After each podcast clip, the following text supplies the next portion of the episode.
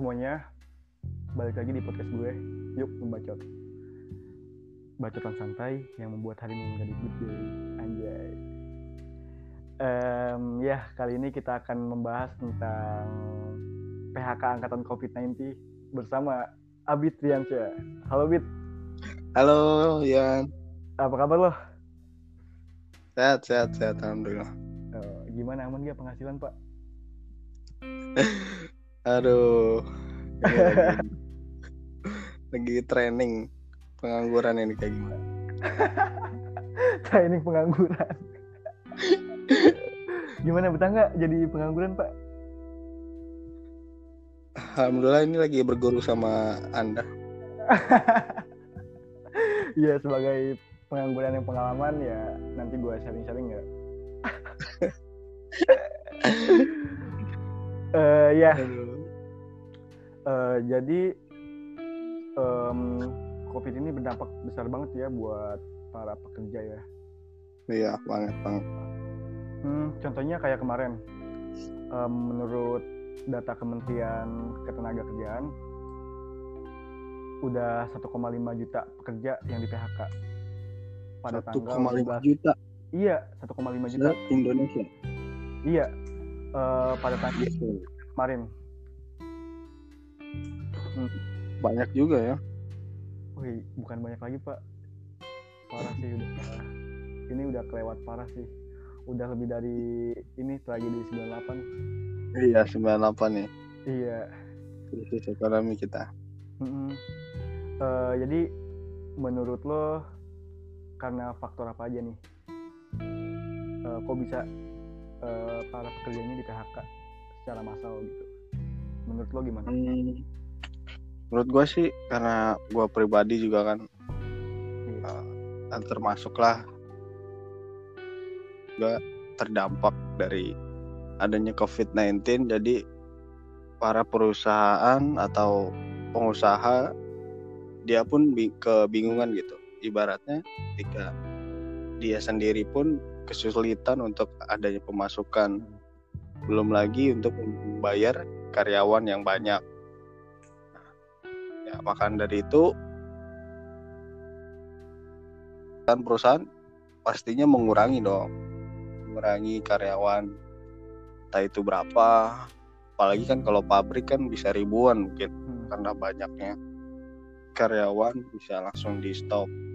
Tapi statusnya pun ada dua pak. Bisa dirumahkan bisa juga di PHK nih. Hmm. Nah, bahasanya itu dirumahkan itu mungkin belum adanya kejelasan dari perusahaan. Belum ada apa ya ibaratnya belum eh, belum fix dipecat lah gitu.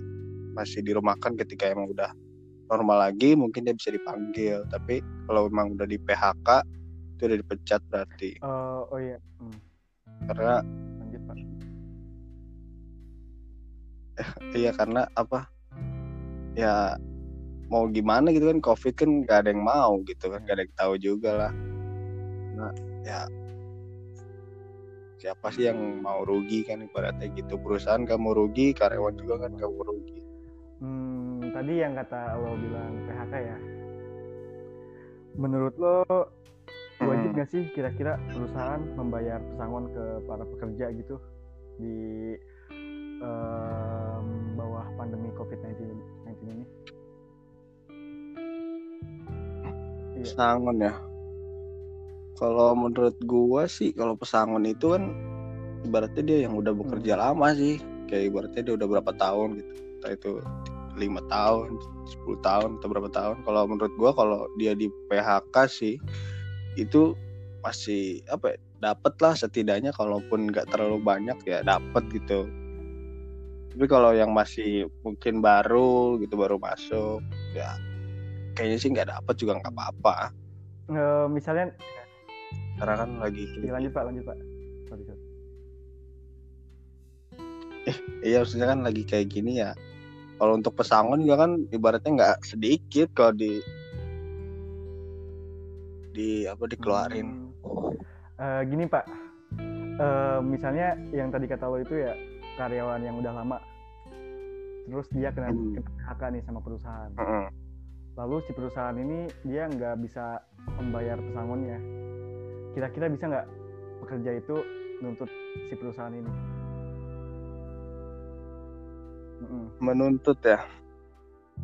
Gua rasa sih bisa sih kalau menurut gua ya. Menurut gua sih kayaknya bisa deh. Soalnya kan ibaratnya dia udah ya apa ya senior di Hmm. perusahaan itu gitu. Masa sih dia nggak dapat insentif sedikit pun gitu insentif untuk pesangon atau apa tunjangan yang lainnya gitu. Setidaknya ya walaupun memang pemasukan nggak ada mungkin adanya perjanjian mungkin ya. Misalnya entah itu dari si karyawannya pesangon yang bagaimana apakah nanti keluarnya di bulan depan kah atau enggak langsung gitu. Intinya sih ada perjanjian di balik itu semua. Kalau menurut gua sih ya bisa aja menuntut kalau si karyawan yang main PHK dia udah kerja lama banget tapi nggak- dapat apa-apa ya rugi lah maksudnya Em, jadi kayak sebisa mungkin si perusahaan ini harus usahain gimana caranya biar dia bisa membayar pesangon buat si pekerja yang udah lama ini ya, yang udah punya pengalaman lebih gitu ya. Hmm, Iya. iya, iya, paham, paham, paham. Oh iya, eh, ceritain dong pengalaman lo ketika em, di PHK. Jadi di PHK-nya itu kayak gimana? Em, PHK secara halus apa gimana tuh? Hmm, oke oke. Kalau pengalaman gua sendiri sih PHK di tempat gua itu jadi eh, kan kalau gua perusahaannya perusahaan retail ya. Nah, jadi eh, karyawannya itu di kalau di bagian gue itu ada 25 orang dan di saat adanya pandemi corona udah masuk kurang lebih itu udah sebulan corona. Waktu sebulan itu belum ada pengurangan tuh. Nah, udah pas udah mau kedua bulan nah baru adanya pengurangan karena kan mungkin manajemennya juga ngelihat gitu ya dari segi traffic yang belanja kurang sepi kan bingung juga untuk bayar karyawan banyak nggak Hmm. cuma satu dua doang kan makanya udah masuk dua bulan nah di situ atasan gue bilang ya ngejelasin ya apa adanya bagaimana kondisi saat ini perusahaan nggak bisa apa ya nggak bisa membayar semuanya. Jadi dari 25 orang itu dikurang eh, diambilnya cuman 9 orang. Hmm, Hmm, nggak nyampe setengahnya kan makanya ya ya sembilan orang itu ya yang menurut gue yang laki Iya. maksudnya yang beruntung lah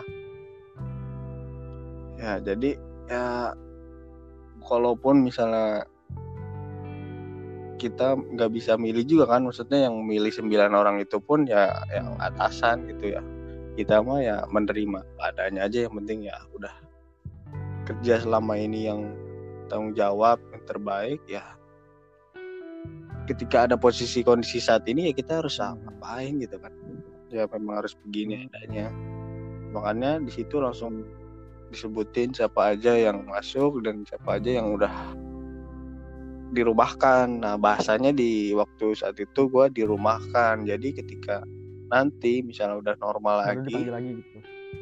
ada kemungkinan dipanggil lagi. Tapi kan kita lihat dari kondisi sekarang ya kapan balik Iya, lagi gitu corona kan. nggak ada kejelasan gitu ya kapan berhentinya nih corona ya.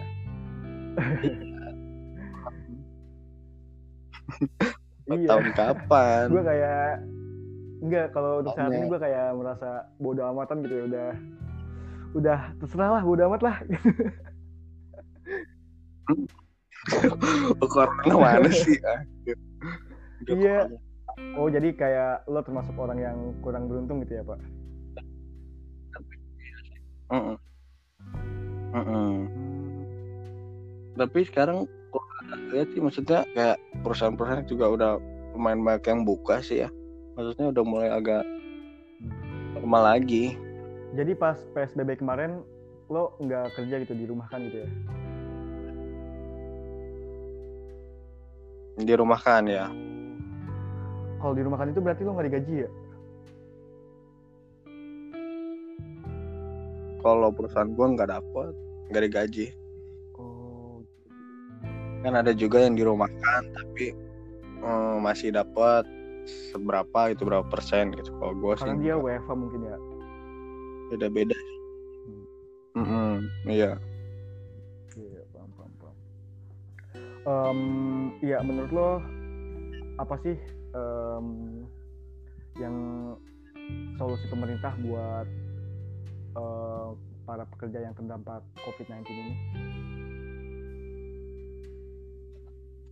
Iya, solusi solusinya ya Iya. kalau yang ini ya yang tahu kan pemerintah juga kan ngasih ada solusi tuh kayak adanya kartu Iya, iya. prakerja pemerintah. ya kan kartu prakerja kan itu buat yang kena PHK sama yang pengangguran lah ibaratnya gitu dan itu pun yang daftarnya pun ya ribuan gue lihat.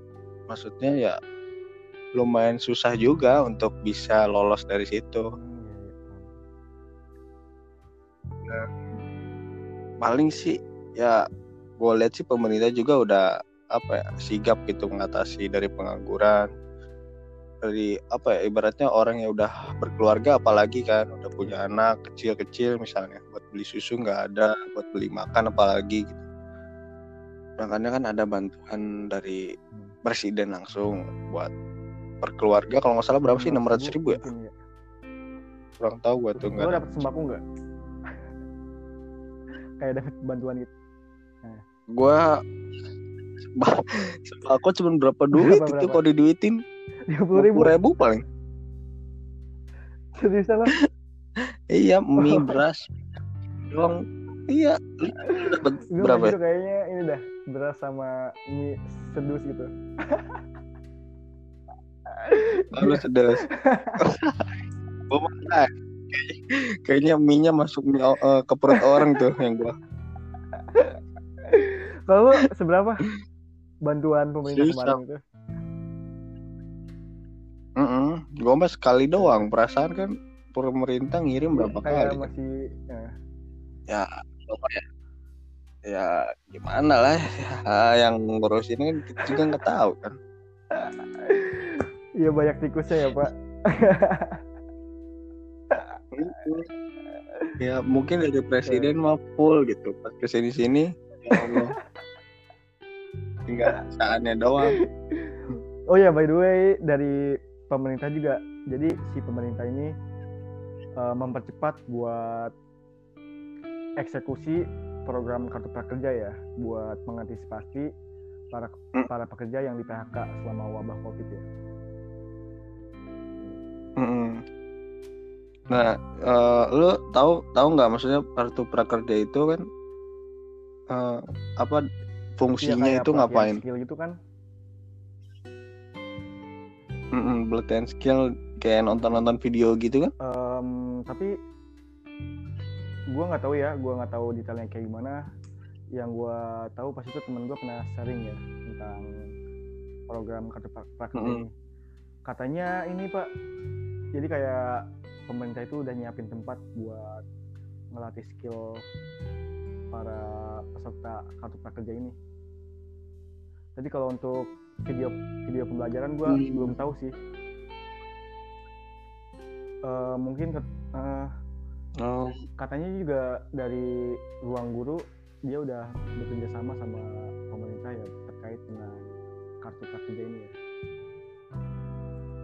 mm-mm. Yes. oh jadi pemerintah nyiapin tempat buat nanti Iya training. training gitu Katanya ibaratnya ya sih. Tapi gua masih kayak belum ada kejelasan gitu. Mm-mm. Em, hmm, gimana? tapi tapi lu nyoba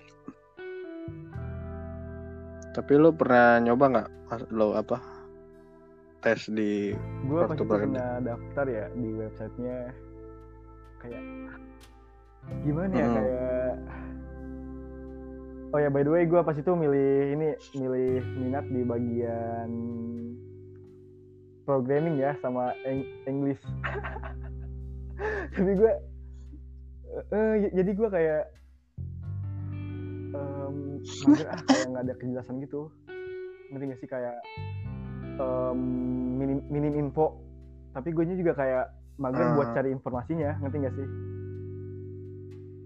Hmm, gitu iya. maksud gue ya ya Hmm. mungkin hmm, pemerintah juga udah nyiap udah ng- ngelakuin hal yang terbaik ya buat masyarakatnya.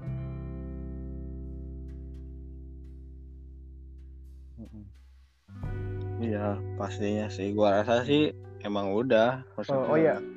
Cukup berperan lah menurut buat masyarakat.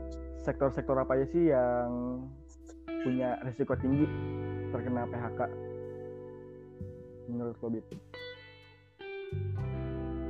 Iya, sektor-sektor apa aja? Sektor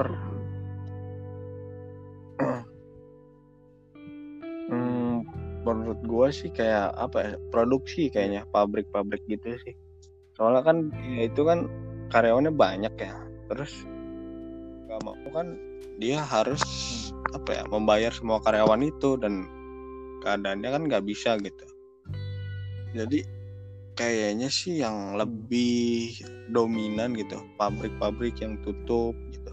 Manufaktur apa? Kayaknya sih dari sektor Manufaktur. produksi maksudnya Manufaktur, pro- apa barang-barang yang produk Iya selain gitu. manufaktur, Mm-mm, manufaktur. iya selain Mm-mm. manufaktur juga kayak ini ada ada Kayak lagi yang lebih terdampak yaitu ini sektor pariwisata. Nah, sektor pariwisata itu berdampak banget tuh. Terus sama ini penerbangan. Hmm, yang iya, kata kemarin benar. perusahaan layan grup udah merumahkan ribuan karyawannya. Nah, tahu kan? Iya, eh, lo pernah lihat infonya kan ya? Oh iya, di Garuda Iya, juga. maksudnya. Oh. gua kayak udah parah banget sih ini pak. Iya, iya. Hmm, Em, hmm. Gimana, Pak? Sumpah. Iya, Eh, kurang tahu sih saya. tapi PNS di rumah kan nggak? Aduh. gitu. iya iya, guru-guru di rumah kan. tapi kan para- guru-guru juga di rumah kan kan? Maksudnya? Oh iya, Mm-mm. aduh tetap Hmm. pak, tetap. Jadi Anda bayaran tetap. Ini gue nggak ngerti lagi nih gue em, gimana ya? Aduh, sama pihak kampusnya nggak ngerti lagi saya pak. Mau nggak mau jalanan tet- eh jalanan lagi bayaran tetap ini pak Aduh. jalan pak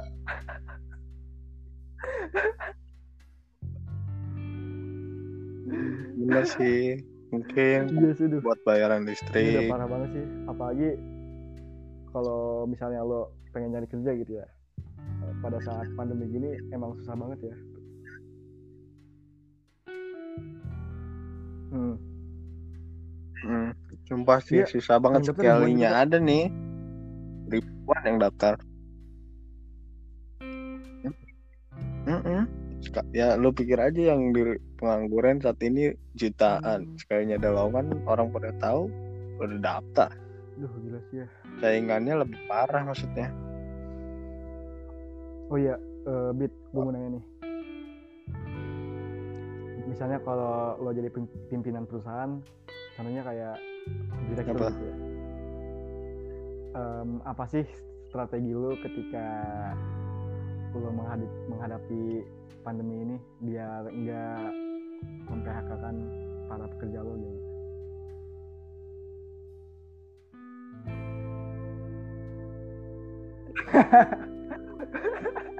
Nah, jadi, Pertanyaan eh, Anda rada berat ya. semoga aja ya Eh, semoga aja kayak lo jadi direktur gitu ke depannya. Jadi ketika lo menghadapi situasi yang kayak gini lagi jadi lo udah bisa ngantisipasi sebelumnya gitu Iya. pak.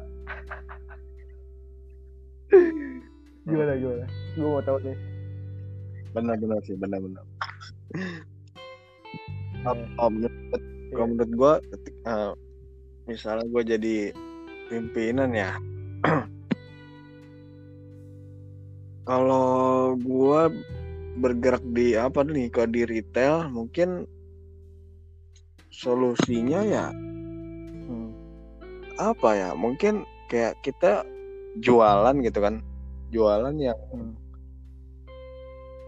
yang lagi dibutuhkan sekarang gitu maksudnya kayak seperti seperti hand sanitizer, masker. Maksudnya yang lebih apa yang lagi dicari orang sekarang lah gitu. Jadi ketika kayak jualan baju, jualan ini kan orang juga nggak terlalu minat kan.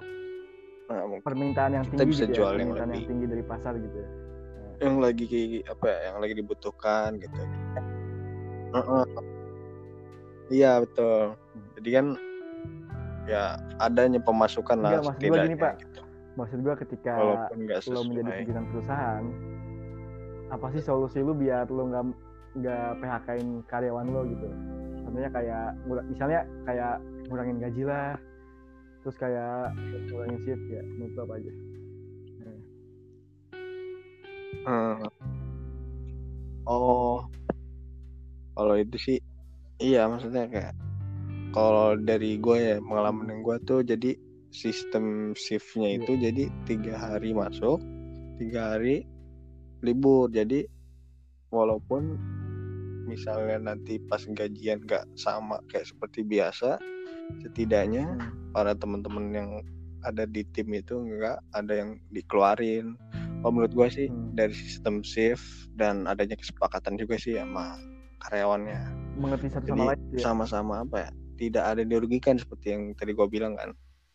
Perusahaan nggak mau, Mm-mm. perusahaan kan nggak mau rugi, karyawan juga kan nggak mau rugi.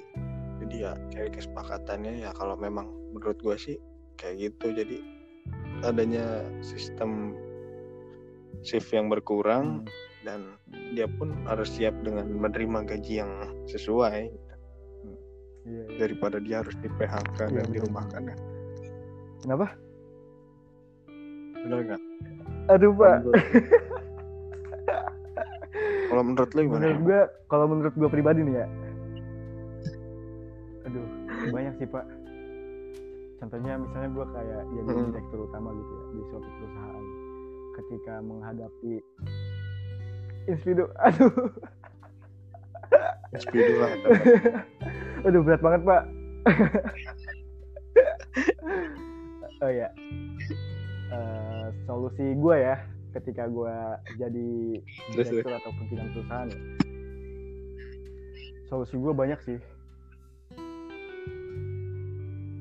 Em, salah satunya kita apa buat tuh coba? kesepakatan em, sama karyawan kayak nanti kita bakal ada pengurangan gaji nih biar perusahaan nggak nggak rugi gitu ketika menghadapi situasi begini ya.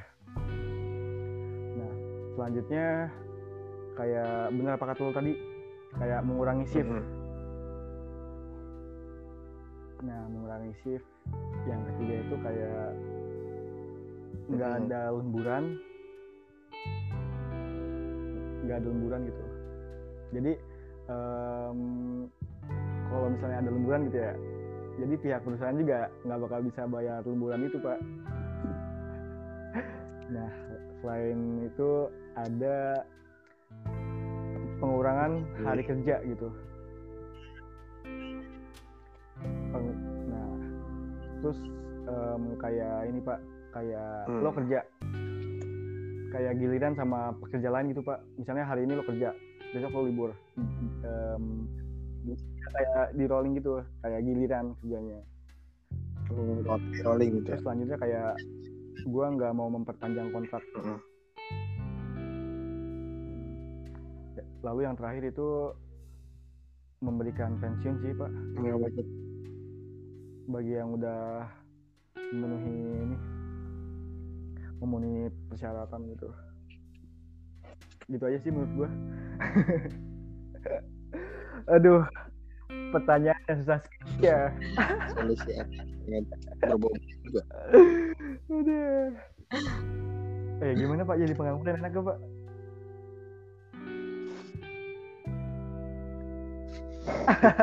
ini masih banyak belajar ini cara tidur yang baik dan benar di rumah Eh, apa sih eh, kegiatan lo selama di rumah aja gitu? Kayak ngelakuin hal-hal produktif itu apa aja gitu? kalau gue sih eh, ini sih sebenarnya ada juga ya, usaha kecil-kecil nah ya jualan apa yang Iya, yang ya yang nggak terlalu modal banyak lah kayak gitu. buat eh, buat juga ya. ya buat ngisi kegiatan Hmm.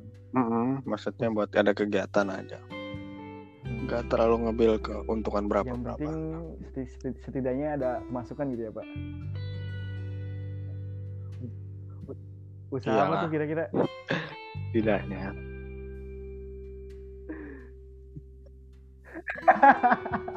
nipu orang tua Nipu orang tua. Anda bijak sekali ya pak. Aduh. Iya iya. enggak enggak Usaha. nah ini Hah? tukang es Oh tuang es. tukang es Bagus lagi positif mah ya. Iya kan ya nggak terlalu modal banyak setidaknya kegiatan Aduh kalau gue sendiri sih, ah lo lebih produktif sih pak ketimbang gue.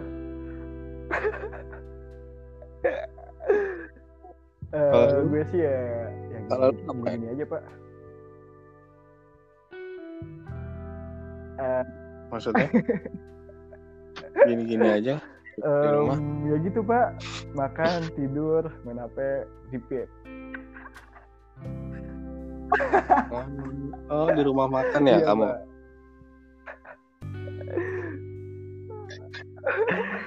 sangat produktif Enggak sih, em, gua kegiatan gua banyak sih pak. Kayak, nah iya bikin podcast. selain- ini bikin podcast bikin juga podcast lo juga gua kayak iseng-iseng buat belajar lah. Contohnya kayak gua memperdalami em, skill bahasa Inggris gua lah, gitu. hmm. Hmm. Iya. ya di rumah kan Nah, maksudnya bisa belajar lewat jadi sebisa mungkin online kita atau pergunain gadget kita buat hal-hal yang positif ya. Nah, jadi kalau betul. gua kayak ngerasa stuck atau bosen gitu ya, kadang gua nongkrong sih sama teman-teman kayak sekedar diskusi atau cari pengalaman lah. Gitu. Mm-mm. Eh, Bagus. pembahasan kali ini sungguh berbobot sekali ya Pak. Otak gue panas, iya lah jarang kita bahas tentang serius Aduh, otak gue panas banget Pak. Setelah ngebahas ini Pak.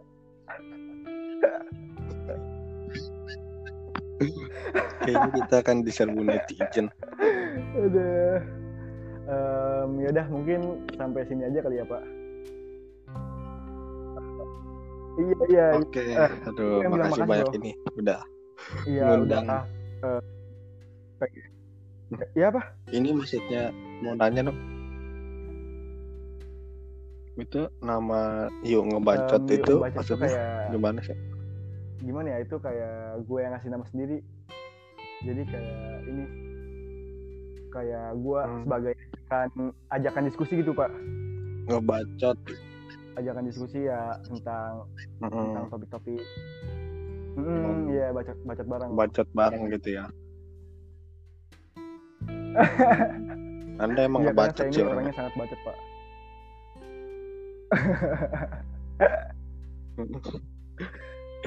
Dari tadi ini saya tahan ngomong- saya juga udah nggak tahan lagi pak. Aduh pengen gas gitu pak. Eh, mungkin sampai oke deh. Makasih udah. Eh, makasih udah meluangkan Baik, waktunya baik. buat hadir di podcast gua pak. Iya. Siap siap. Hmm, iya. Waktu Oke. yang sangat berharga ini. Eh, mungkin sampai sini aja kali ya. Ya ditunggu aja kopinya. Ditunggu aja kopinya. Aduh gua kayak kikuk sendiri ya buat penutup ya. Ya udahlah. Eh, gue Bian Muhammad Iwan pamit undur diri see you oke. Bye